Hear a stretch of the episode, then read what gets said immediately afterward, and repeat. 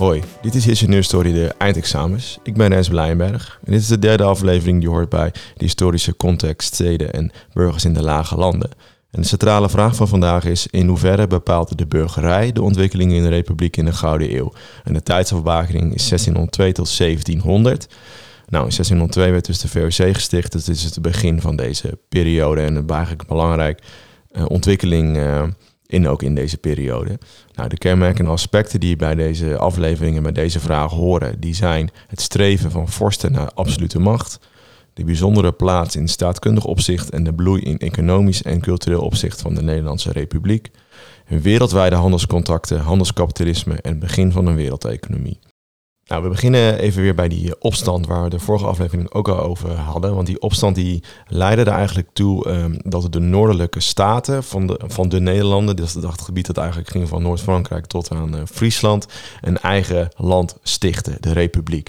En die Republiek bestond uit uh, Overijssel, Groningen, Friesland, Gelderland, Utrecht, Holland en Zeeland. Dat waren de zeven gewesten die zich gingen samenvoegen.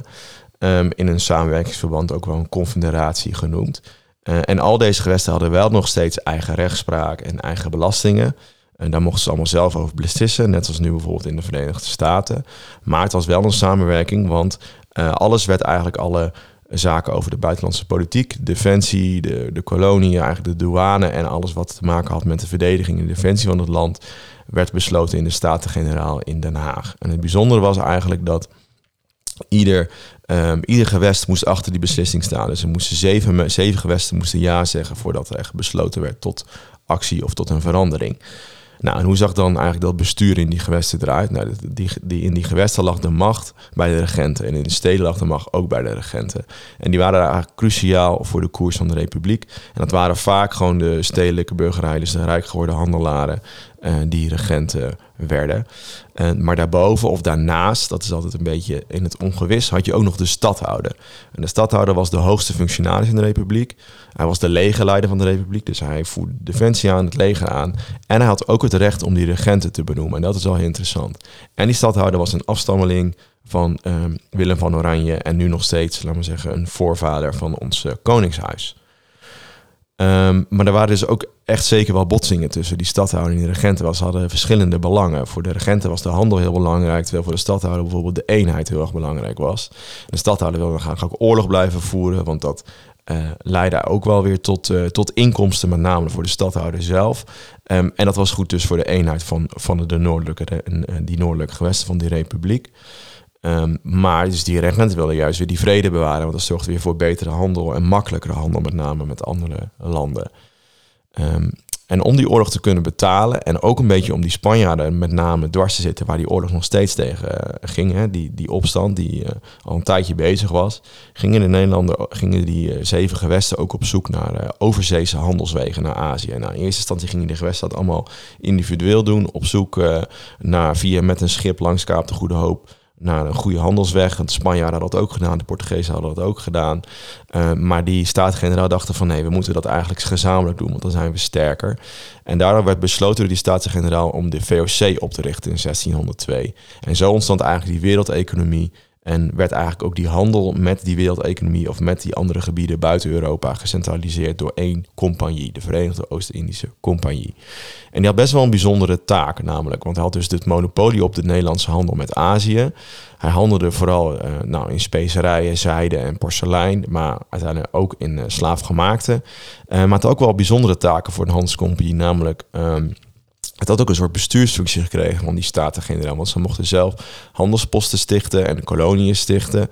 En ze konden uh, zelfstandig verdragen afsluiten met, uh, lokaal, met de lokale bevolking. Met bijvoorbeeld uh, koningen of sultanen of andere leiders in die gebieden. Mochten ze zelf doen zonder inmenging eigenlijk van de Staten-Generaal. En ze hadden ook een eigen leger om, dat, nou, om dan die handelsposten te beschermen. Of om juist nog meer handelsposten te verkrijgen.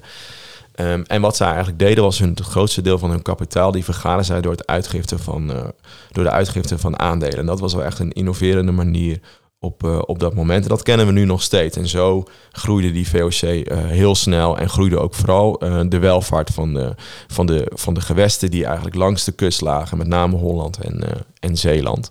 Nou, die VOC was dus enorm belangrijk voor de Gouden Eeuw, want er werd enorm veel, veel geld mee verdiend. Maar dat was eigenlijk niet het enige waardoor, de, de, waardoor de Gouden Eeuw zo ontstond in de Republiek en waardoor de welvaart zo goed was hier.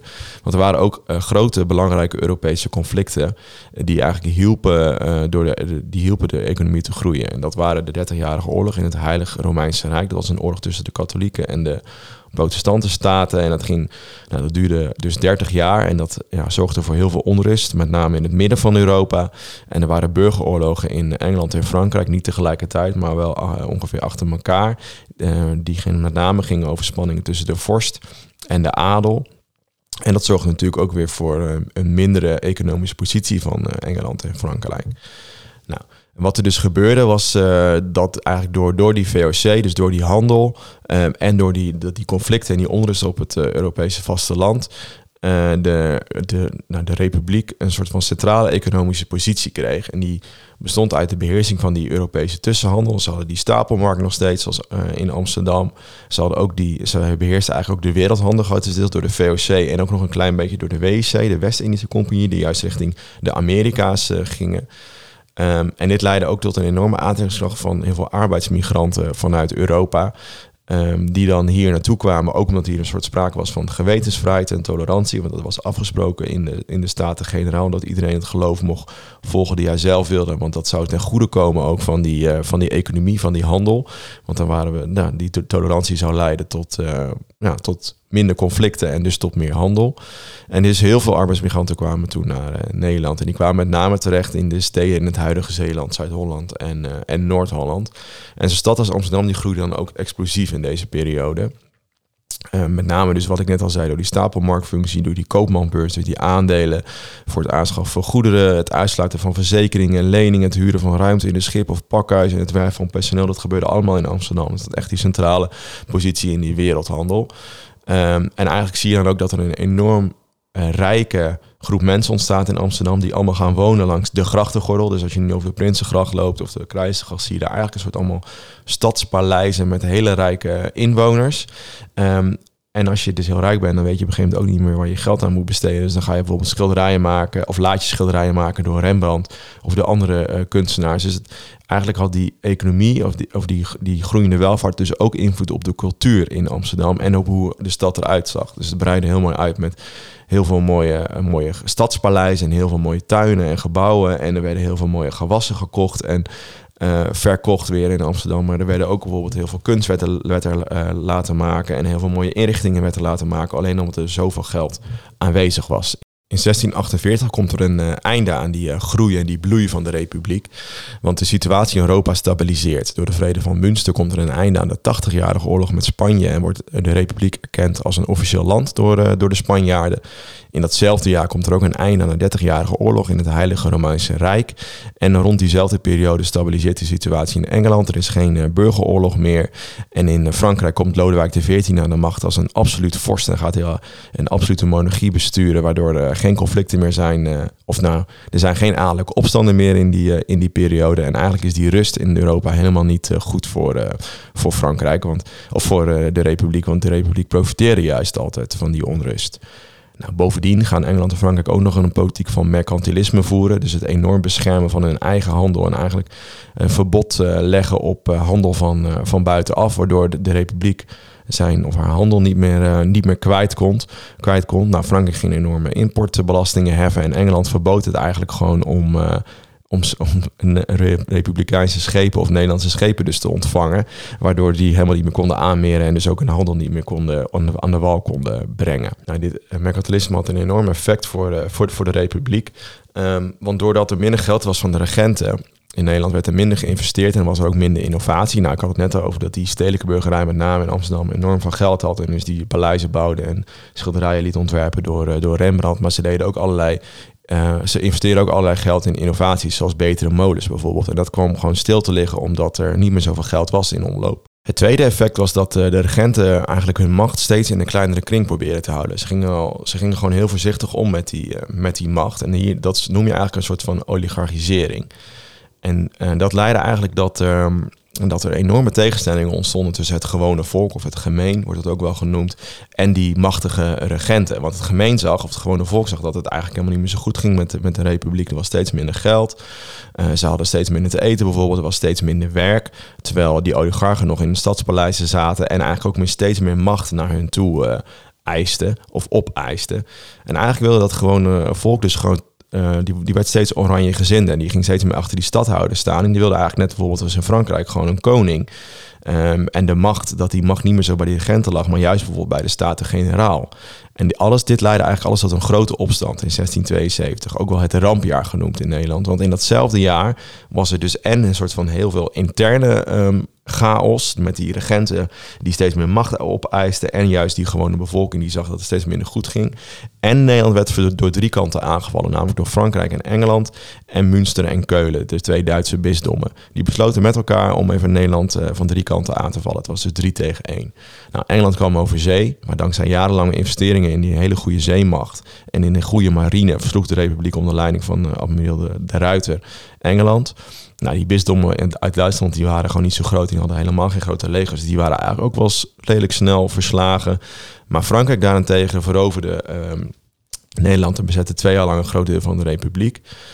Nou, als reactie op, dit, uh, op, deze rampzalige, op dit rampzalige jaar vermoorde het volk Johan de Wit en zijn broer. Dat waren de twee raadspensionarissen en eigenlijk een soort van de adviseurs of de grootste, de, de belangrijkste adviseurs uh, van de leiding van het land in de, in de, van de republiek in dat jaar. En het volk wilde gewoon naar, naar een stad houden, naar een soort koning die, uh, die, die, die alles vanuit, vanuit zichzelf aanstuurde en zorgde voor, uh, voor rust. En die kwam uiteindelijk ook, dat het Willem III. En later werd onder leiding van deze stadhouder Willem III de waterlinie in stelling gebracht. En uiteindelijk werden die Fransen dan ook weer uh, verdreven en uh, kwam eigenlijk de rust weer terug in de republiek. Maar dit rampjaar in 1672 was ook wel echt het einde van die gouden eeuw. De regenten gingen alleen nog maar investeren in, in het buitenland. En de oligarchisering die groeide steeds verder door. Dus die macht bleef maar nog steeds kleiner in de kring. Um, en eigenlijk gingen gewoon die regenten een beetje luieren en uh, genieten van hun uh, pensioen. En niet zoveel veel meer doen.